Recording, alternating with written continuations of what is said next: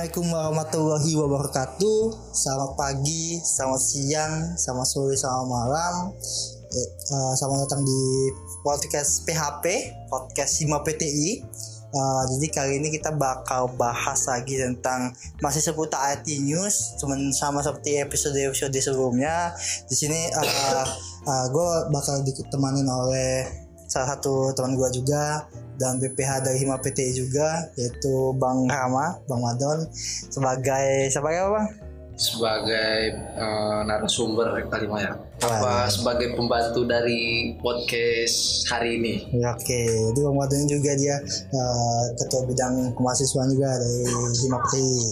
Gue uh, Pajati Aksana, jadi kita bakal baca-baca berita nih. Oke, lanjut aja ya. Dari kompas.com. Pengguna Google Maps kini bisa mengecek kualitas di udara di sebuah wilayah langsung dari aplikasi. Google baru sejak Google baru saja merilis fitur pengecekan indeks kualitas udara. Di aplikasi Maps versi Android dan iOS, fitur ini sudah diuji sejak 2021 lalu untuk segelintir pengguna. Fitur tersebut kini sudah bisa digunakan semua pengguna. Untuk mengaksesnya, pengguna bisa menjangkau tombol layar di sisi kanan tampilan Google Maps atau di bawah kolom pencarian. Dari situ Anda akan diarahkan ke beragam opsi tampilan Maps, seperti tampilan dari satelit, street view, dan sebagainya. Ada pula opsi air quality tepat di sudut kanan bawah yang akan menunjukkan indeks kualitas udara di wilayah tertentu. Ketika opsi air quality dipilih, tampilan Maps akan mengecil dan pengguna di wilayah yang sudah terjangkau akan melihat titik berwarna hijau, merah, dan sebagainya sebagai kode kualitas udara. Gimana tanggapan dari saudara Fajar Trilaksana tentang Google Map sediakan fitur baru untuk cek kualitas di udara. Oke, uh, jadi kalau buat cek kualitas udara ya, sebenarnya kan itu kan salah satu terobosan baru ya dari Google gitu kan. Tapi sebenarnya uh, yang gua tahu sih ada ada aplikasi dari Indonesia yang dia uh, buat ngecek soal ngecek udara juga nih bang. Jadi uh, sebenarnya dia buk, dia dari startup dari namanya tuh. Nah ini teman-teman yang didengerin bisa cek juga ya namanya tuh nafas nafas.id.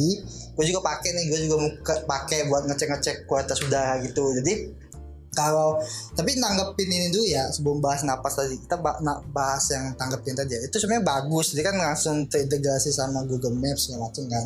Bagus. Tapi uh, gue kayak agak kayak apa ya? Kayak bukan hal yang baru sih. Kayak uh, banyak juga di sana aplikasi-aplikasi yang kayaknya emang sudah bikin mulai bikin gitu kan. Nah jadi kalau bahasa napas tadi ya, napas ini dia kayak startup dari Indo. Dia bikinan dari orang luar, tapi dia kayak uh, concern sama kualitas udara di Indonesia gitu. Dia namanya apa ya? Gue lupa Rio Rio Jakowski atau apa gitu. Bisa teman-teman cek deh di di Instagram saya aja aplikasinya itu namanya napas napas.id. Nah di aplikasi napas itu dia kita bisa lihat ini bang, bisa lihat yeah. kualitas udara segala yeah. macam. Jadi kayak contoh misalnya fitur-fitur gitu ya. Ah, ah, jadi kalau misalnya misalnya kita cari nih lokasi kita apa? Abang tinggal di mana, Bang? Bang Wadon? Uh, gue tinggal di Sawangan Depok. Sawangan Depok. Nah, nanti kayak dicari aja Sawangan Depok nih. Sawangan Depok kualitas udaranya berapa gitu. Nah, ini gue contohin ya. Ini contohnya di uh, Lebak Bulus yeah. yang dekat sama kita aja ya, Lebak yeah, okay. Bulus. Nah kualitas udaranya itu 90 macam Iya jadi kayak dia jadi selalu di berubah. Google Map itu bisa udah langsung terlihat situasi udara di sekitar kita gitu ya. Maksudnya jika ada di Lebak Bulus gitu uh, fitur udara itu sudah dijelaskan gitu udah iya, ada gitu. Uh, kayaknya sih sama kayak di napas ini. Kayaknya sama deh. Kayak kayak yang gue tangkap sih sama karena kalau misalnya di napasin dia cukup cukup ngebantu. Jadi kayak ini jelasin misalnya kayak kualitas udaranya berapa. Dan ini memang bener kayak real gitu bang. Jadi misalnya nih gue pernah ngecek waktu pagi-pagi ya pagi-pagi itu waktu bener berarti? Bener bener bener enggak enggak, enggak bohongan atau gimana gitu enggak, enggak. tentang udara di situ gitu? Ah jadi kayak langsung ya real gitu bener gue pernah ngecek waktu itu pagi-pagi nih. Pagi-pagi pagi-pagi masih bersih tuh masih Oh, iya. bener-bener cerah segar masih masih asli indah. kan. Gue kan tinggal di sini nih Iya. deket masih deket kampus lah si- Senda gitu kan. Pas gue cek ya kualitasnya bagus Iya, hijau masih udaranya Oh, gitu. ya. oh, ini ya Masih bagus lah. bagus banget. Nah waktu gue cek lagi pas siang nah siang-siang itu udah mulai kayak jelek gitu kayak mungkin karena emang polusi karena motor-motor segala macam. Terus pas dia lagi hujan itu udah mulai udah mulai apa? Udah mulai kayak bagus lagi gitu-gitu. Kayak dia tepat dan kayaknya siklusnya lah gitu ya. Ah, dan kayaknya sih- tepat. dan kayaknya sih eh, mau dibikin kayak gini sih. Bikinnya memang kayaknya maunya kayak gini. Ya. Oke lanjut bang. Hacker Cina susupi jaringan telekomunikasi AS selama bertahun-tahun. Jakarta, kelompok hacker yang dituding telah disponsori Cina. Disebut berhasil menyusupi jaringan penyedia telekomunikasi utama Amerika Serikat selama bertahun-tahun. Disadur dari tes radar. Kamis tanggal 9 bulan 6 2022, para hacker dinilai melakukannya untuk menyerang target lain baik di sektor publik maupun swasta. Peringatan keras ini dikeluarkan bersama oleh National Security Agency, Cyber Security, dan Infrastruktur Security Agency dan Federal Bureau of Investigation atau FBI. Menurut peringatan itu, beberapa kelompok peretas Cina menargetkan kerentanan yang diketahui di perangkat yang belum mendapatkan patch baru seperti router. Mereka dikatakan mengincar keamanan endpoint kemudian akan dijadikan sebagian dari infrastruktur jahat yang lebih besar dimanfaatkan untuk menyiapkan serangan yang bahkan lebih berbahaya. Oke, Eh, gimana tanggapan saudara Fajar Trilaksana tentang hacker yang menyusupi negara Amerika Serikat. Silakan. Oh, Aduh. Gue gak paham lagi masa hacker. Oke eh, oke ya bahas yang tadi ya. Jadi kayak eh, hacker apa hacker Cina ngertas ke Amerika gitu gitu ya. Jadi kan sebenarnya kalau misalnya masalah hacker hacker gitu kan kayak udah apa ya suatu hal yang ibaratnya kayak Ya seks- sudah terbiasa gitu ya. ya kayak kayak seksi banget kan kalau Iya, misalnya di dunia digital gitu kan. Dan kayak kita juga kan kayak ya gitu gitu lah semacam. Tapi kalau misalnya ini kan kayaknya udah tingkatannya yang gede banget gitu kan. Karena kayak eh, sudah mainannya udah negara Oh gitu iya, udah bahaya berarti ya. Ah, ah, terus ini kan data-data juga sudah kayak dilacak gitu. Ah, ah, terus ini kan kayak kelompok pertas Cina kan berarti kan kelompok kan berarti gede banget kan Oh iya, macam pasti terus kalau misalnya apa ya kalau misalnya masalah hacker gitu kita kan sebenarnya nggak tahu ya mereka tuh sebenarnya Iya. ngambil apa gitu Iya, mungkin baik atau tidak gitu ya. ya main kan mereka pasti ngambilnya kayak da- data-data pribadi gitu-gitu kan Iya. jadi kayak bahkan kayak kita kan kalau di Indo Indonesia sendiri kan kayak banyak kan Banyak kayak peretasan gitu kan Iya. contoh kayak kemarin tuh kayak ada beberapa online shop yang ada beberapa online shop yang dia tuh uh, meretas data gitu-gitu Iya. juga kan bukan meretas data sih datanya diretas gitu-gitu iya. gitu kan Kayak- kayak- ya.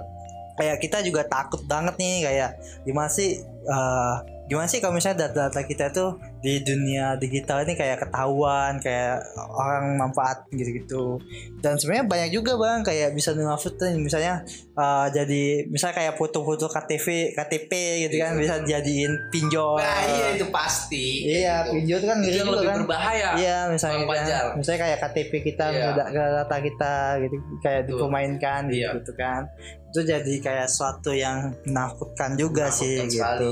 Ah, tapi bang by the way ah, jadi di Hima PT ini kita bakal ada poker terakhir yang penutup nih penutup nih Oh, jadi kayak dari bidang keprodian Iya. itu bakal ngadain seminar dan Keren dan tuh. Iya keren kan. Jadi Iya. seminar ini dia eh, ada sangkut pautnya sama yang tentang materi yang tadi. Oh. Tadi materinya itu tentang security awareness. Oh, iya. Jadi dia tentang eh, kesadaran tentang keamanan data pribadi gitu. Oh. Iya. Bagus banget itu. Iya iya. eh, jadi di tanggal 29 Juni ya, Pin. Oh, Ra- itu itu umum atau khusus eh, Nah. mahasiswa VIP? Nah, kalau buat acara yang semua ini, Hmm. ini uh, bakal uh, umum, bang, umum. Jadi Berarti ada pendaftaran gitu. Iya, jadi ada pendaftaran, tapi gratis kok, tetap Oh gratis. segala Dapat sertifikat pastinya ya kan? Tuh. Nah, jadi kayak kita bakal belajar juga nih Belajar. kayak gimana sih cara ngamanin data-data Iya. pribadi kita, terus kayak eh, apa ya kayak bukan cuma data sebenarnya kayak doang ya? ah, ah, bukan cuma data doang, jangan kayak password gitu. Iya. Kayak kaum jadi kayak gue kan memang baca baca gitu kan. Jadi Iya. kalau misalnya eh, di password tuh kebanyakan orang Indo tuh ngisi passwordnya cuman kayak satu satu dua tiga empat Iya. tapi apa Iya, kayak itu password gampang-gampang. banget ya kayak gitu. Iya kan?